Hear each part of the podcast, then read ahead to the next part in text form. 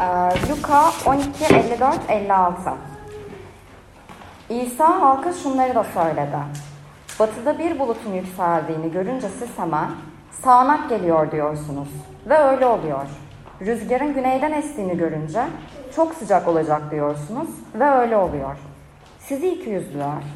Yeryüzünün ve gökyüzünün görünümünden bir anlam çıkarabiliyorsunuz da şimdiki zamanın anlamını nasıl oluyor da çıkaramıyorsunuz?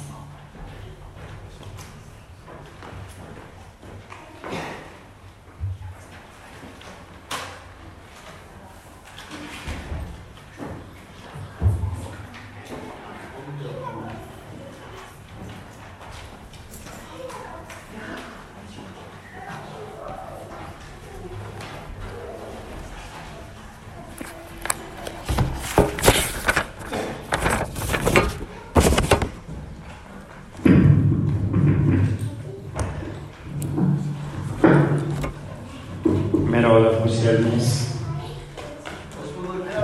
Nasılsınız, iyi misiniz? İyiyiz abi sen nasılsın? Kendinizi benim evimdeymişsin gibi hissedin. evet, burası hepimizin evi tabii ki, Rabbin evidir. Hamdolsun. Ee, Bugün sizlerin arasında bulunmak benim için büyük bir ayrıcalıktır. Tanıyoruz, dua ediyoruz. Ee, Bazen bazılarımız e, yüzlerini biliyoruz ama e, çok fırsatımız olmadı bir araya gelmeye. E, Zaten dünyanın şu anda bir araya gelmek için çok fırsatları yoktur. E, bulunduğumuz pandemiden ötürü. Ama hamdolsun Rab'le buluşmamız için hiçbir zaman engel yoktur. Tek bir engel olabilir, o da biziz. Genellikle İsa'nın sözleri buna dairdir. Biz Tanrı'yla birlikte olmak için ne kadar engel oluyormuşuz.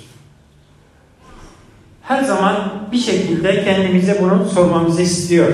Bugün okunan ayetler yine de bununla ilgilidir. Bu sefer zamanları anlamamakla ilgili.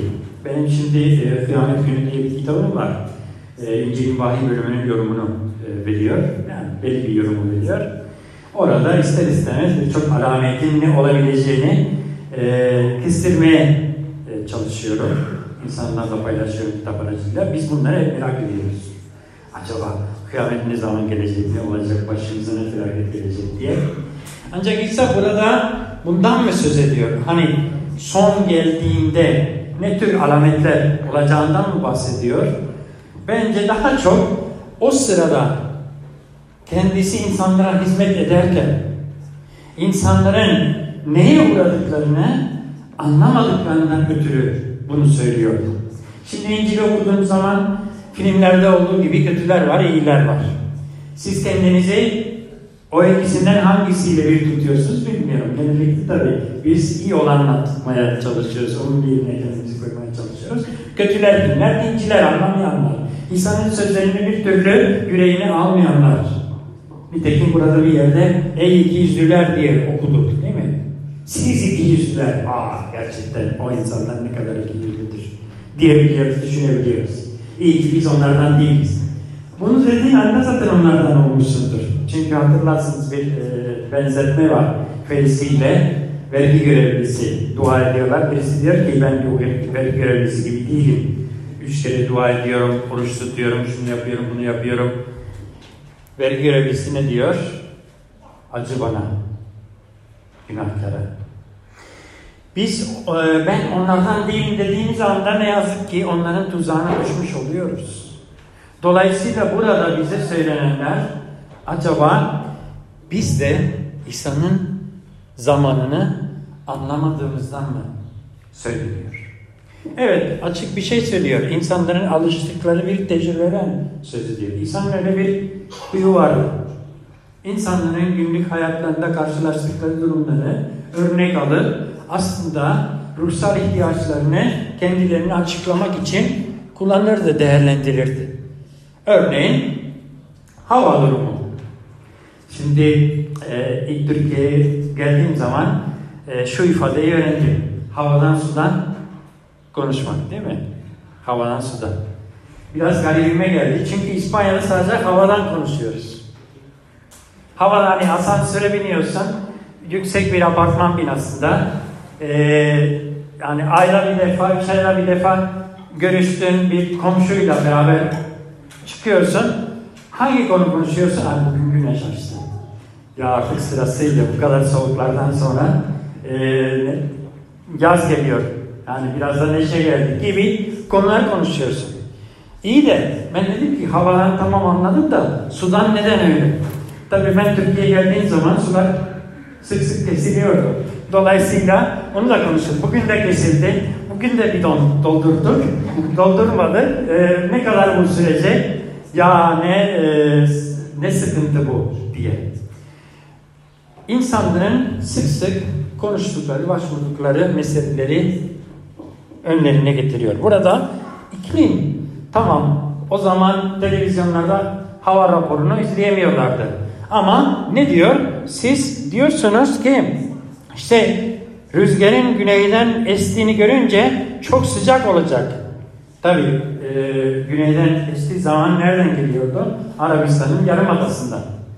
Meteorolog olmaya gerek yoktur. Zaten bunu defalarca görmüşlerdi. Veya işte e, batıdan bulutlar yükseliyor. E nereden yükseliyordu? Akdeniz'den yükseliyordu. Akdeniz'den yükselen bulutlar da e, İstanbul'da demiyor muyuz? Yarın Poyraz yapacak. E, ona göre Poyraz nedir? Poyraz e, Kuzeydoğu'dan geliyor. Dolayısıyla biraz daha soğuk esecek. Ondan sonra ertesi gün Lodos gelecek. E, Lodos nereden geliyor? Güneybatıdan eser. Dolayısıyla yani e, güneyden geldiği için sıcak olacak ve ona göre rozmatizmalar oluyor, bir şeyler oluyor. E, yağmurla birlikte toz da yağabiliyor. Yani bunları her gün gördüğümüz için alışkınız. Zamanları anlamak için neye ihtiyacınız var? Deneyime ihtiyacınız var. Tanrı'nın zamanlarını anlamak için Tanrı'yla deneyime ihtiyacımız var. Kutsal kitapta Yeni Ahit'te zaman için kullanılan en az iki kelime var. Bir tanesi kairos, bir tanesi kronos. Kronos daha tanıdık geliyor değil mi? Kronometre gibi. Saniyeleri tutmak için. Kairos daha başka bir anlamı var. Kronometre zamanın niceliğini, kairos zamanın niteliğini anlatıyor. Kairos Tanrı'nın zamanı. Rab zamanla çok ilgileniyor. Zamandan ve mekandan münezzeh olduğu halde. Çünkü bu dünyayı yaratırken zamanla, mekanla, maddeyle kendisi zaman, mekan ve madde olmadığı halde çok garip bir şey yapmak istedi. Kendisinden apayrı, bambaşka olan bizler gibi zamana, mekana ve maddeye bağlı insanlarla ilişki kurmak istedi. Ve dolayısıyla vakit geldi geliyor diye ifadeler çoktur. İncil'de. İncil'in ilk ilanı ne şekildeydi? Ne şekildeydi? Vakit geldi, zaman geldi. Tanrı'nın egemenliği yaklaştı. Bu yüzden tövbe edin ve İncil'e inanın. Tanrı'nın bir zamanı var. Orada sözünü ettiği zaman saatlerle veya şeyler ölçülen zaman kronometrelerle ölçülen zaman değil kairostur. Tanrı'nın bir şeyler yapmak için seçtiği mükemmel zamanlama. Türkçe'de belki zamanlama desek daha iyi olur. Rab bazen kutsal kitapta bir de böyle bir özelliği var. Son dakikasının Rabbidir. Rab birçok konuda bizleri sıkıntıda bırakıyor, bekliyor, bekliyor, bekliyor. Son anda yetişiyor. Son anda yetişen bir Rab'dir. Neden acaba? Örneğin çok sevdiği, İsa Mesih yeryüzündeyken çok sevdiği e, Lazarus diye bir adam vardı değil mi? Ve ona haber gönderiyorlar. Gel ölüyor. Ve İsa iki gün daha oyalanıyor orada. Ve özellikle oyalanıyor, oyalanıyor ki oraya gittiğinde Lazarus ölmüştür. Ve Marta var, e, ondan sonra e, Meryem var, kız kardeşleri, ya Rab burada olsaydın işte e, kardeşimiz ölmezdi falan gibilerinden söylüyor. Sen inanıyor musun? Diriliş ve yaşam benim. Buna güveniyor musun? Ve son dakikada yetişiyor. Ne için? Büyük bir şey gösterebilmek için. İsa aslında burada insanlar kendi etrafında toplandıklarında neden toplandıklarını sorguluyor. Sizleri bana çeken nedir? Sadece işte bu bir nevi şov gibi. Bakalım bu adam bugün ne mucize yapacaktır. Neyle bizi eğlendirecektir veya şaşkına çevirecektir.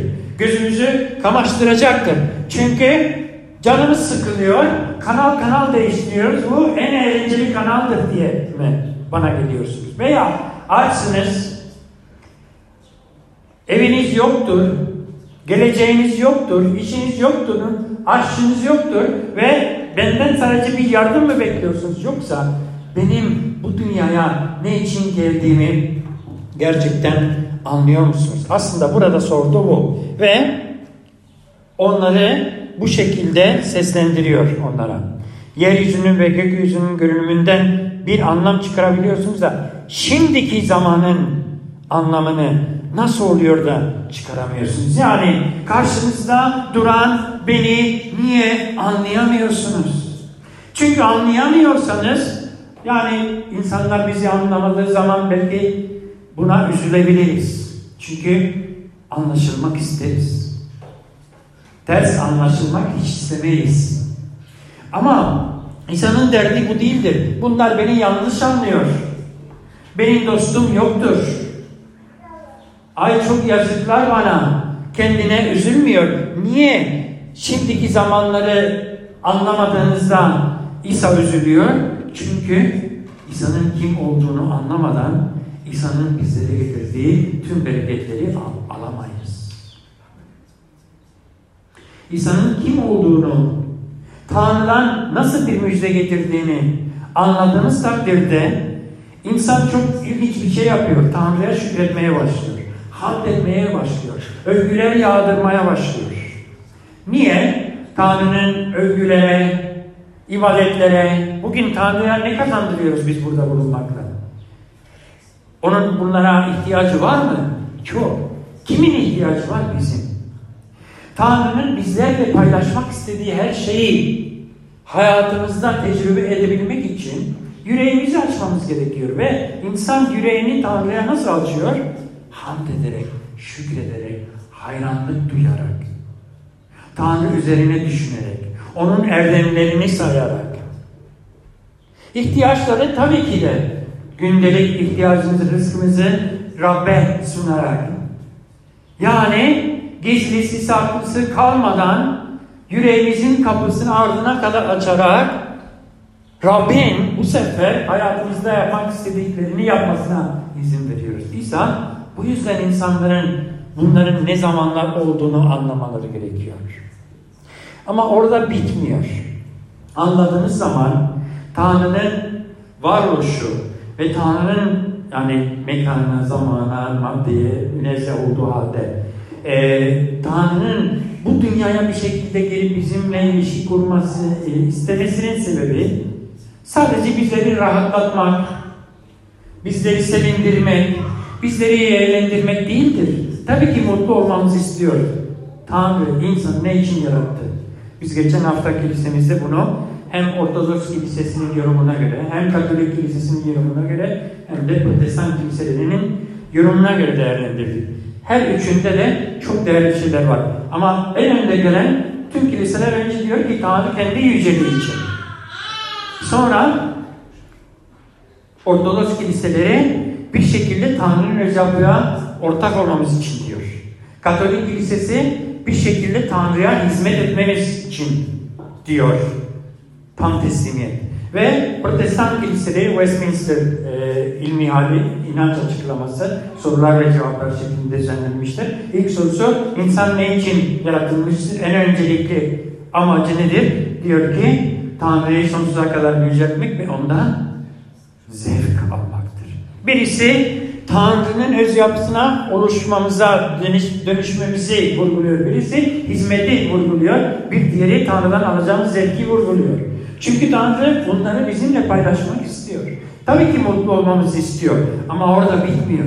Çünkü aslında mutluluk bir duygu değildir. Mutluluk bir eylem halidir. Mutluluk bir teslimiyettir. Mutluluk kimlerle bir kurduğumuzun temelidir.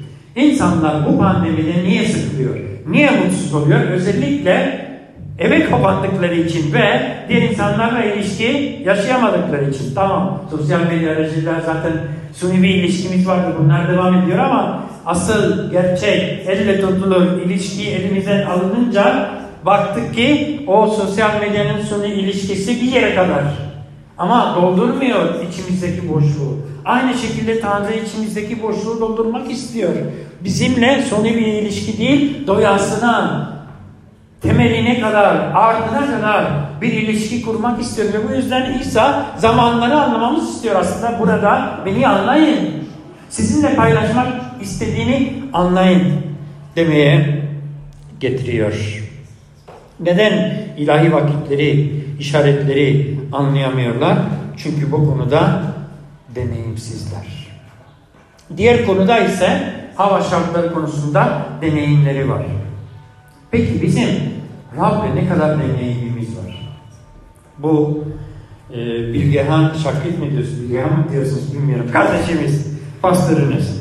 E, benimle bu vaazı paylaşmamı istediğinde e, hazır mısın diye bir serisi üzerine gittiğinizi anlattı. Ve burada da geçiyor hazır mısın? Hazır olun çünkü beklemediğimiz anda Rabbimiz, Rabbiniz geri dönebilir. Hazır mıyız? Neye hazır olmalıyız? Neye hazır olmamızı istiyor?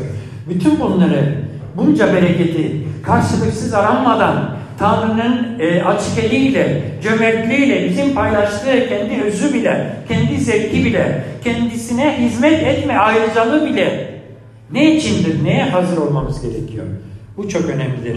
İsa onun kim olduğunu, bizimle ne paylaştığını, şimdi Rab'den her türlü bereketi doyasına onunla yaşamanın vakti olduğunu, zamanı geldiğini anlamamız istiyor.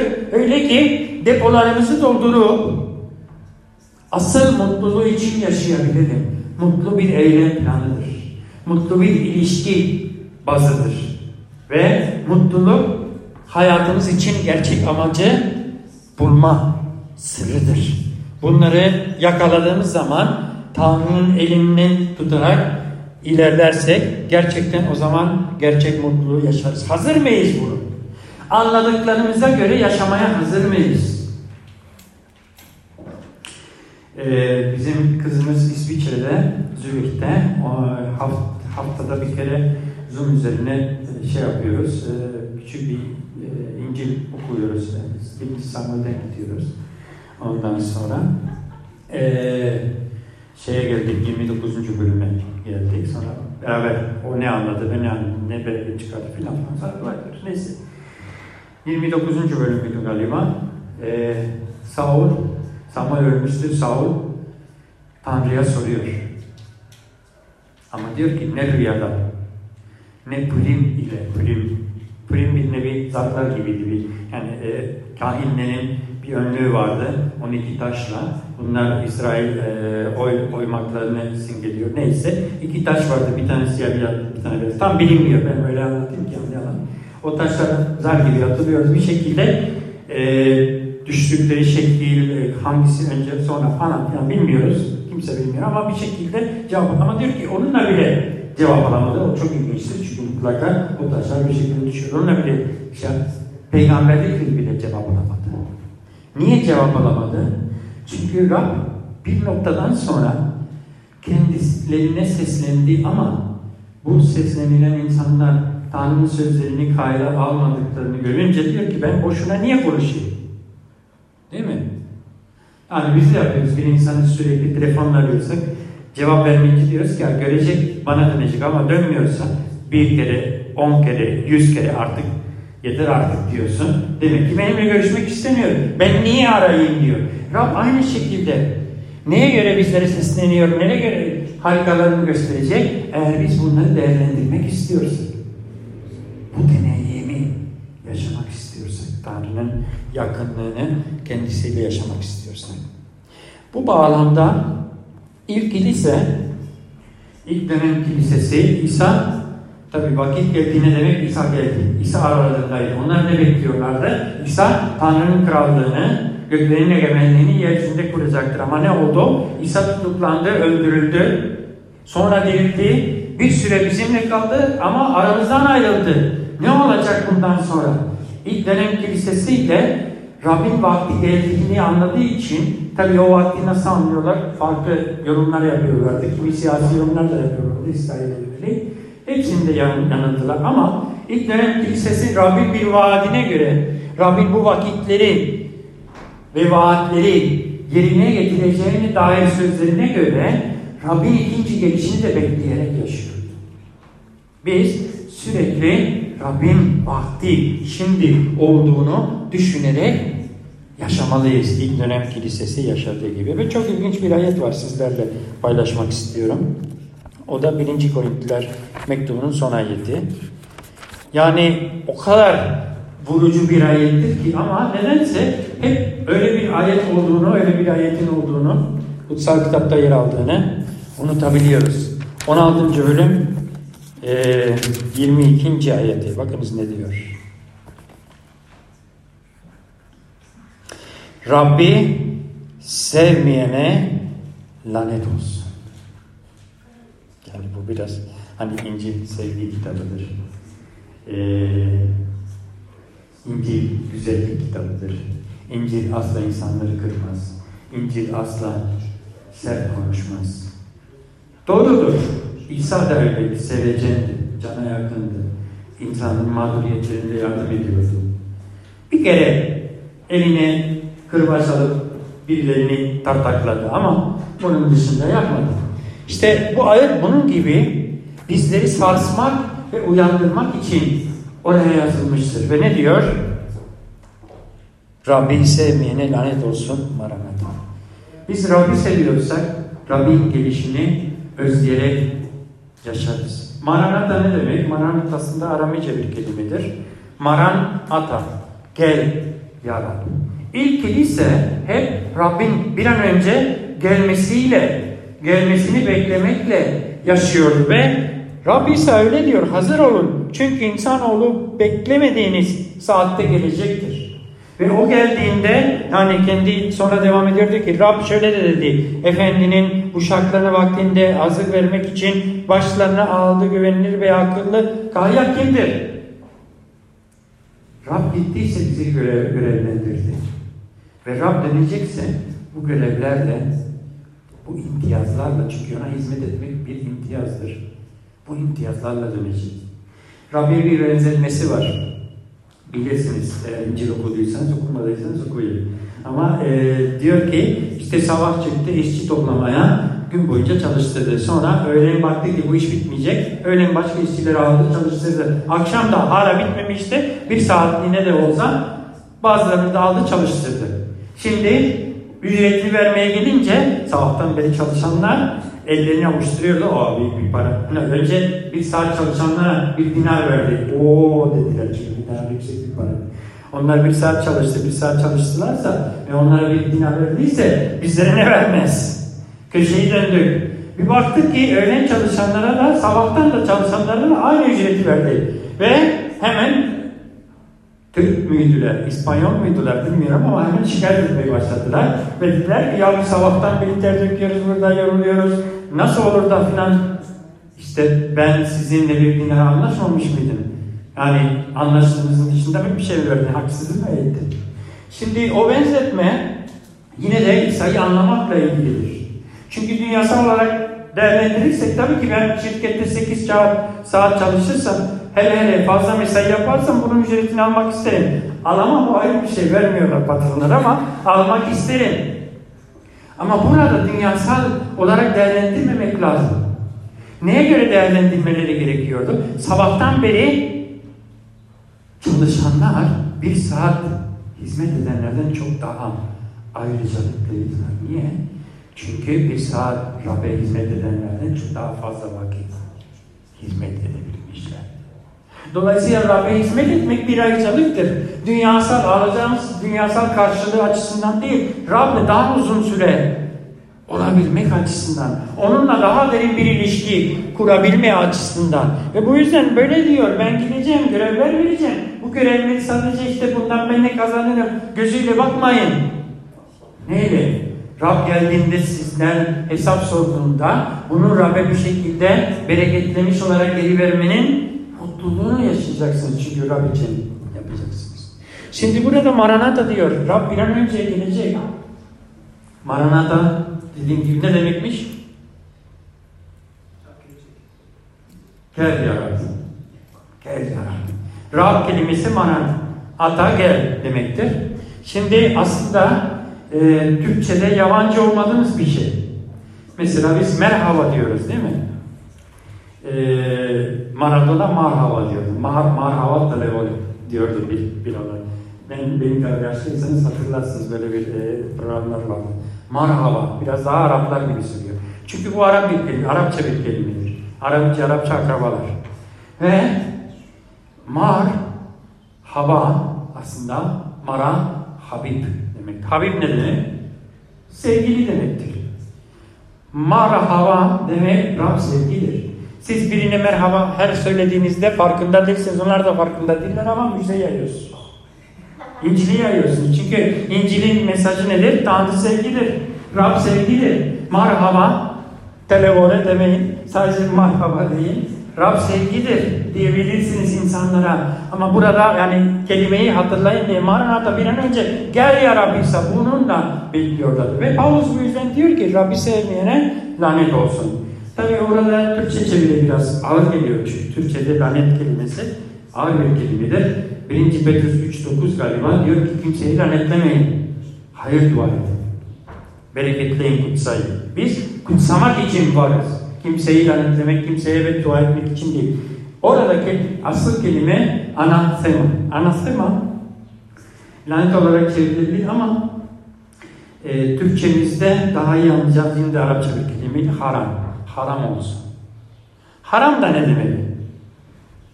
Tamam, dini motif olarak biliyoruz. E, helal ve haramdır. Bu helaldir, bu haramdır. E, İbranice'de herem. Aynı kökten geliyor. Herem kelimesi. Herem kelimesi lanetlenmek anlamına gelebilir ama daha çok dokunulamaz. Dokunulamayacak şey. Yani kirli anlamında olduğu için veya çok kutsal olduğu için ikisi de olabilir. Dokunulamayacak şeydir. Haram. Haremlik, selamlık nereden geliyor? Oradan geliyor. Sultanların haremleri ne demektir? Dokunamazsın, dokunursan başına ne gelir? Bir gör. Dolayısıyla o demektir. Dokunulamayacak şeyler demektir. İsa'yı sevmiyorsak İsa'yı dokunamayacağız. İsa'yı sevmiyorsak İsa bize dokunmayacaktır. Ve bu yüzden diyor ki İsa'yı sevmeyene haram olacak. Kendisi haram olacak, kendisi ayrı kalacak, kendisi ondan kopacak. Rab İsa tüm bereketleri onunla paylaşmak için haçta canını feda etti ama sen yüreğini yeterince açamadığın için o bereketleri alamayacaksın demek. Söz. Peki İsa'yı seviyor muyuz? Var gücümüzle, dört gözle vaktimizi, yeteneklerimizi, imkanlarımızı, maddiyatımızı bile ortaya koyarak İsa'yı daha iyi öğrenmek için, İsa'yla daha iyi bir ilişki kurmak için ve İsa'nın bizlere vermek istediği görevleri yerine getirmek için var gücümüzle canımızı dişimize tıkarak yaşamaya kararlı mıyız? İsa'yı sevmek bu demektir. İsa'yı sevmek yoksa böyle e, bir sarışın mal gözlü İsa'nın önüne geçip de sen ne kadar yakışıklısın demek değildir. İsa'yı sevmek hayatımızı tümüyle ona adamak demektir. Buna hazır mıyız? Çünkü vakit azdır. Rabbim tıpkı ilk geldiğinde insanlar anlamadıkları gibi ve bu bereketleri birçoğu alamadığı gibi Rabbin ikinci gelişi de yakındır ve biz vaktimizi iyi değerlendirmezsek bereketini alamayacağız. Fırsat geçerek fırsatı yakalamadan elimizden kaçacak, parmaklarımız arasında süzülüp gidecek ve biz aslında Rabbin bizlere vermek istediği sabahtan beri o görevlendirme, ona hizmet etme ayrıcalığını kaçırmış olacağız. Hazırlanmamız gerekiyor. Hazır mısın demek, harekete hazır mısın demek, aynı zamanda kendini yeteri kadar donattın mı demek değil mi? Hazır mısın? Yani bugün mesela derler ki e, ayet okumaya hazır mısın? Demek ki kendini hazırlaman lazım. Ne yaparsın? Evde belki önce okursun. Orada bir şapşatı yapmayayım yani böyle bir tekerleme gibi bir şey olmasın. Ee, kardeşinin önünde zor duruma düşmeyin. Veya gitar çalacaksın eğer yeniysen. Veya ilahi söyleyeceksin. Veya ne yapacaksan. Veya işte bugün inşallah çekiyor o video. Nasıl çalıştığını bilmiyorum ben. E, dün kardeşten sordum çünkü biraz eski bir makine. Her kapandığında ayarı bozuluyor. Baştan yapmak gerekiyor. Ben onun için orada durdum. Acaba e, başarabilir miyim? Kendimi hazırladım. Hazırsın o demektir. Hazır Hazirun mesela diyoruz değil mi? Bir şey toplantısı yapıldığı zaman. Hazirun ne demek? Orada hazır bulunanlar. Hazır aynı zamanda hem harekete hem donanın hem de birinin önünde durmak demektir. İşte Rab bu üç boyutla kendisine hazır olmamızı istiyor. Ve bu bağlamda yine de bu sefer burada kalabalıklara sesleniyor ama bu sefer kendi öğrencilerine seslenirken Yuhanna'dan bir ayet okumak istiyorum. Birkaç ayet okumak istiyorum son olarak. Yuhanna 4. bölüm ve 35. ile 38. ayet. Ey yüzlüler diyor Rab burada seslendiği kalabalığa. İki yüzlüler, liyakatlar. Biz onlardan biriz. İki yüzlü ne demek? Yani bir burada bir o burada bir yüzü olan değildir değil mi? Sana göre bir yüz gösteriyor, arkanda başka işler çeviriyor demektir gibi. Ee, Yakup iki yürekli olan insandan söz ediyor. Hem iki yüzlü olunabilir hem de iki yürekli olunabilir.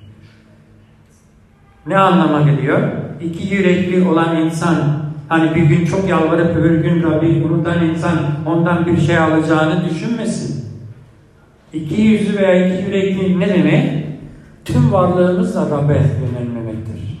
Burada bunlara iki yüzlüler dediğine göre biz neyiz? Veya iki yüzlünün diğer karşılığı, karşılığı nedir?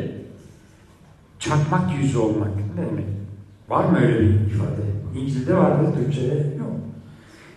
Çünkü İsa mesela diyor ki, e, yine de Luka İncil'inde 9. bölümde galiba diyor ki, artık Kudüs'e gideceği günler yaklaşınca yüzünü çarpmak taşı gibi yaptı ve oraya doğru anlattı. Ne demek? İsa biliyor ki orada ki yolculuk kendi ölümüyle sonuçlanacaktır. Ve bundan vazgeçmeyeceğini biliyor. Ve bir kararlılık ifadesi olarak diyor ki kendi yüzünü çakmak taşı gibi bir yüz yaptı. Yani Rab iki yüzlülere seslenirken ne demek istiyor? Siz iki yüzlüler olmayın. Siz ne olun? Yüzünüz ne tür bir yüz olsun? Çakmak taşı gibi bir yüz olsun. Çakmak taşı demek kristal bir çakmak. Yani şekli bozulmayan, kolay erimeyen, ortadan kaybolmayan, dolayısıyla bir kararlılık ifadesidir. Rab bizleri çakmak taşı yüzlüler olmaya çalışıyor, çağırıyor. Yuhanna 4. bölüm 35. ayette diyor ki sizler ekinleri biçmeye daha dört ay var. Yine de Rab zamanla ilgileniyor. Ve insanların zamanları ne kadar yanlış yorumladıklarıyla ilgileniyor. Daha dört ay var. Demiyor musunuz? İşte size söylüyorum başınızı kaldırıp tarlalara bakın. Ekinler sarılmış, sararmış, biçilmeye hazırlar. Hazır kelimesini bir dördüncü yönü bekliyorlar. O biçilmeye hazır olan hasat vaktinde toplanmıyorsa ne oluyor? Çürüyor. Yok olup gidiyor. Dolayısıyla burada da bizleri Rabbin istediği meyveleri biçmeye, toplamaya çağırıyor. Devam ediyor. Diyor ki eken ve biçen birlikte sevinsinler diye bak burada e, o hani demin bahsettiğimiz benzetme bir adı var sanki. Sabahtan beri çalışanlar sırf akşam çalışanlar. Ama Rab ne istiyor? Demiyor ki eken ve biçen aynı ücreti veya birisi daha fazla çalıştıysa daha yüksek bir ücreti alsın diye demiyor. Ne için diyor? Sevinsinler diye. Rabbe hizmet etmenin kazancı dünyasal bir getirisi değildir. Rabbe hizmet etmenin kazancı nedir? Onun mutluluğunu yakalayabilmek. Ne mutludur? Türk'üm diyene. Yok. Diyor ki ne mutludur? Ee, ruhu yoksul olanlara. Oradaki mutluluk kelimesi makaryostur. Ee, Yunanca'da. Ve makaryos kelimesi İncil yazılana kadar sadece ilahi varlıkların mutluluğu için kullanılıyor. Yani meleklerin mutluluğu. Rab bizleri meleklerin mutluluğunu yaşamaya, paylaşmaya, yakalamaya çalışır. Siz somurtkan bir melek hiç gördünüz mü? Zaten melek görmediniz ki ama neyse. Yani bir melek e, bir anlamda kendi elimizde canlandırmaya çalıştığımız zaman melekleri öyle somurtkan mı düşünüyoruz? O melekler zaten Rabbin yakınında, Rabbin hizmetinde yer alan alevler. Sürekli mutlular. Çünkü mutluluk Rab'dır, Rab'dır mutluluktur. Ve ona yakın olmak, onunla vakit geçirmek ve onun isteklerini yerine getirmek esas mutluluktur. Bu yüzden bizi çağırdığı esas şey, bizi çağırdığı esas şey nedir? Hizmet etmekle pardon, asıl mutluluğunu yaşamaya. İkisi de mutlu olsunlar, sevinsinler.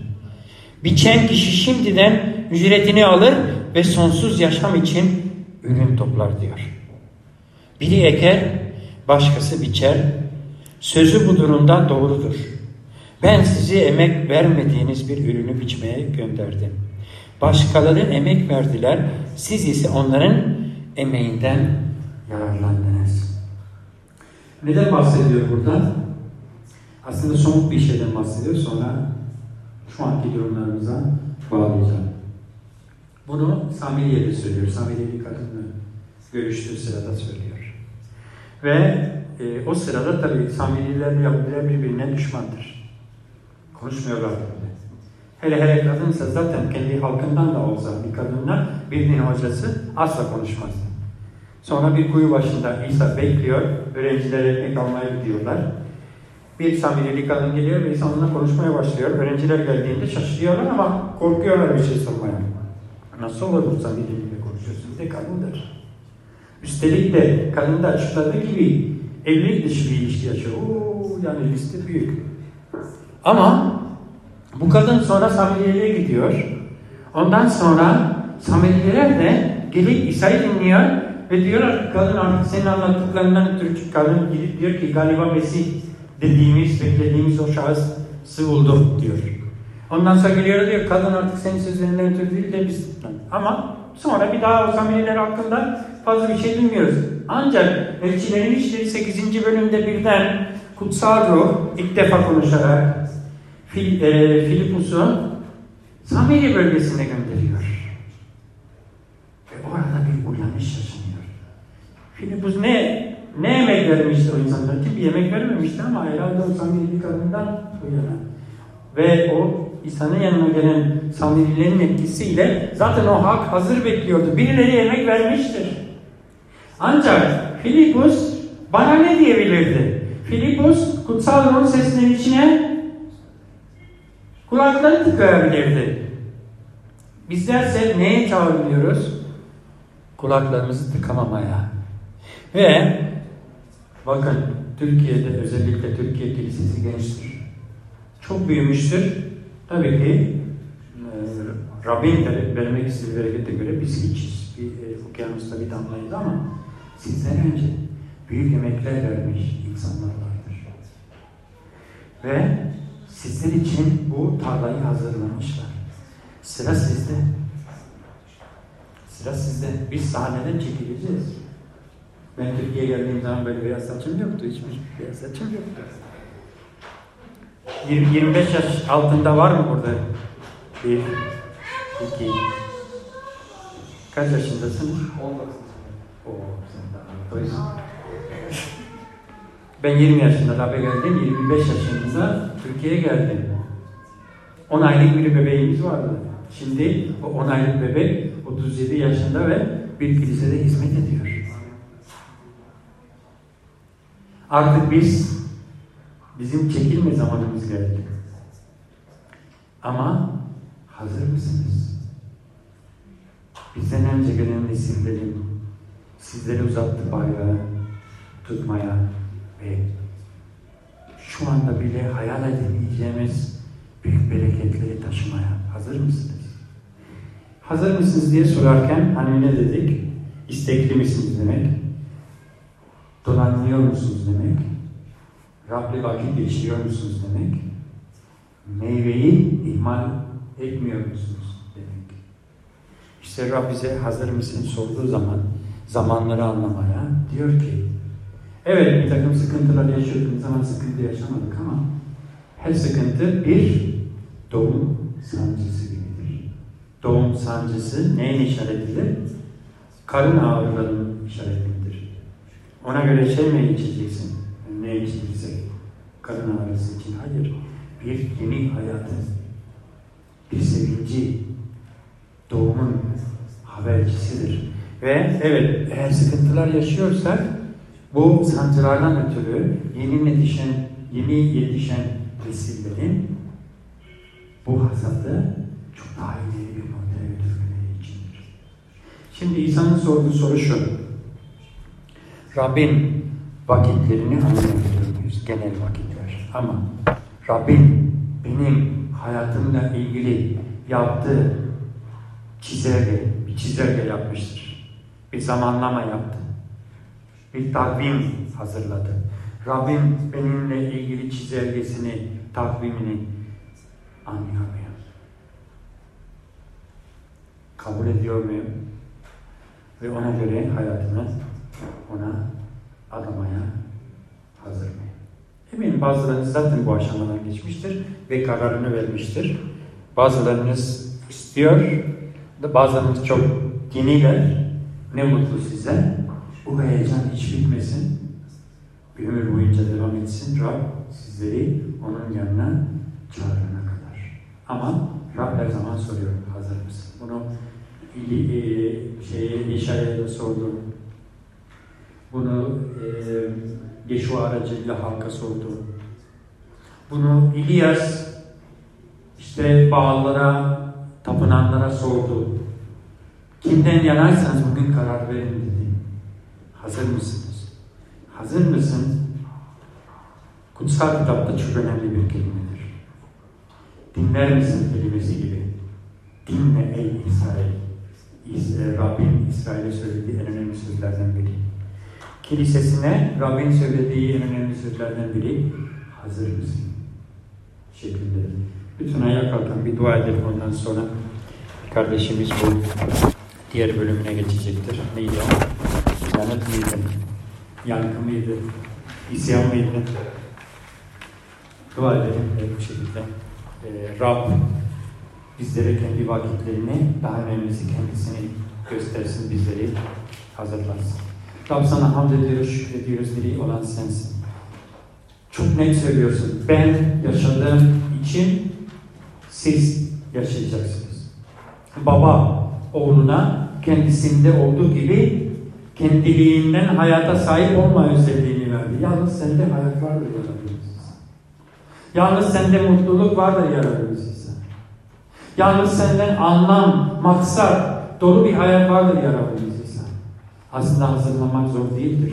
Evet, bazen düşüyoruz tuzaklara, bazen kendi dua benliğimizin yalanlarına yakalanıyoruz, şeytanın vesveselerine, dünyanın dertlerine kapılıyoruz ama Rab sana yaklaşmak iyidir.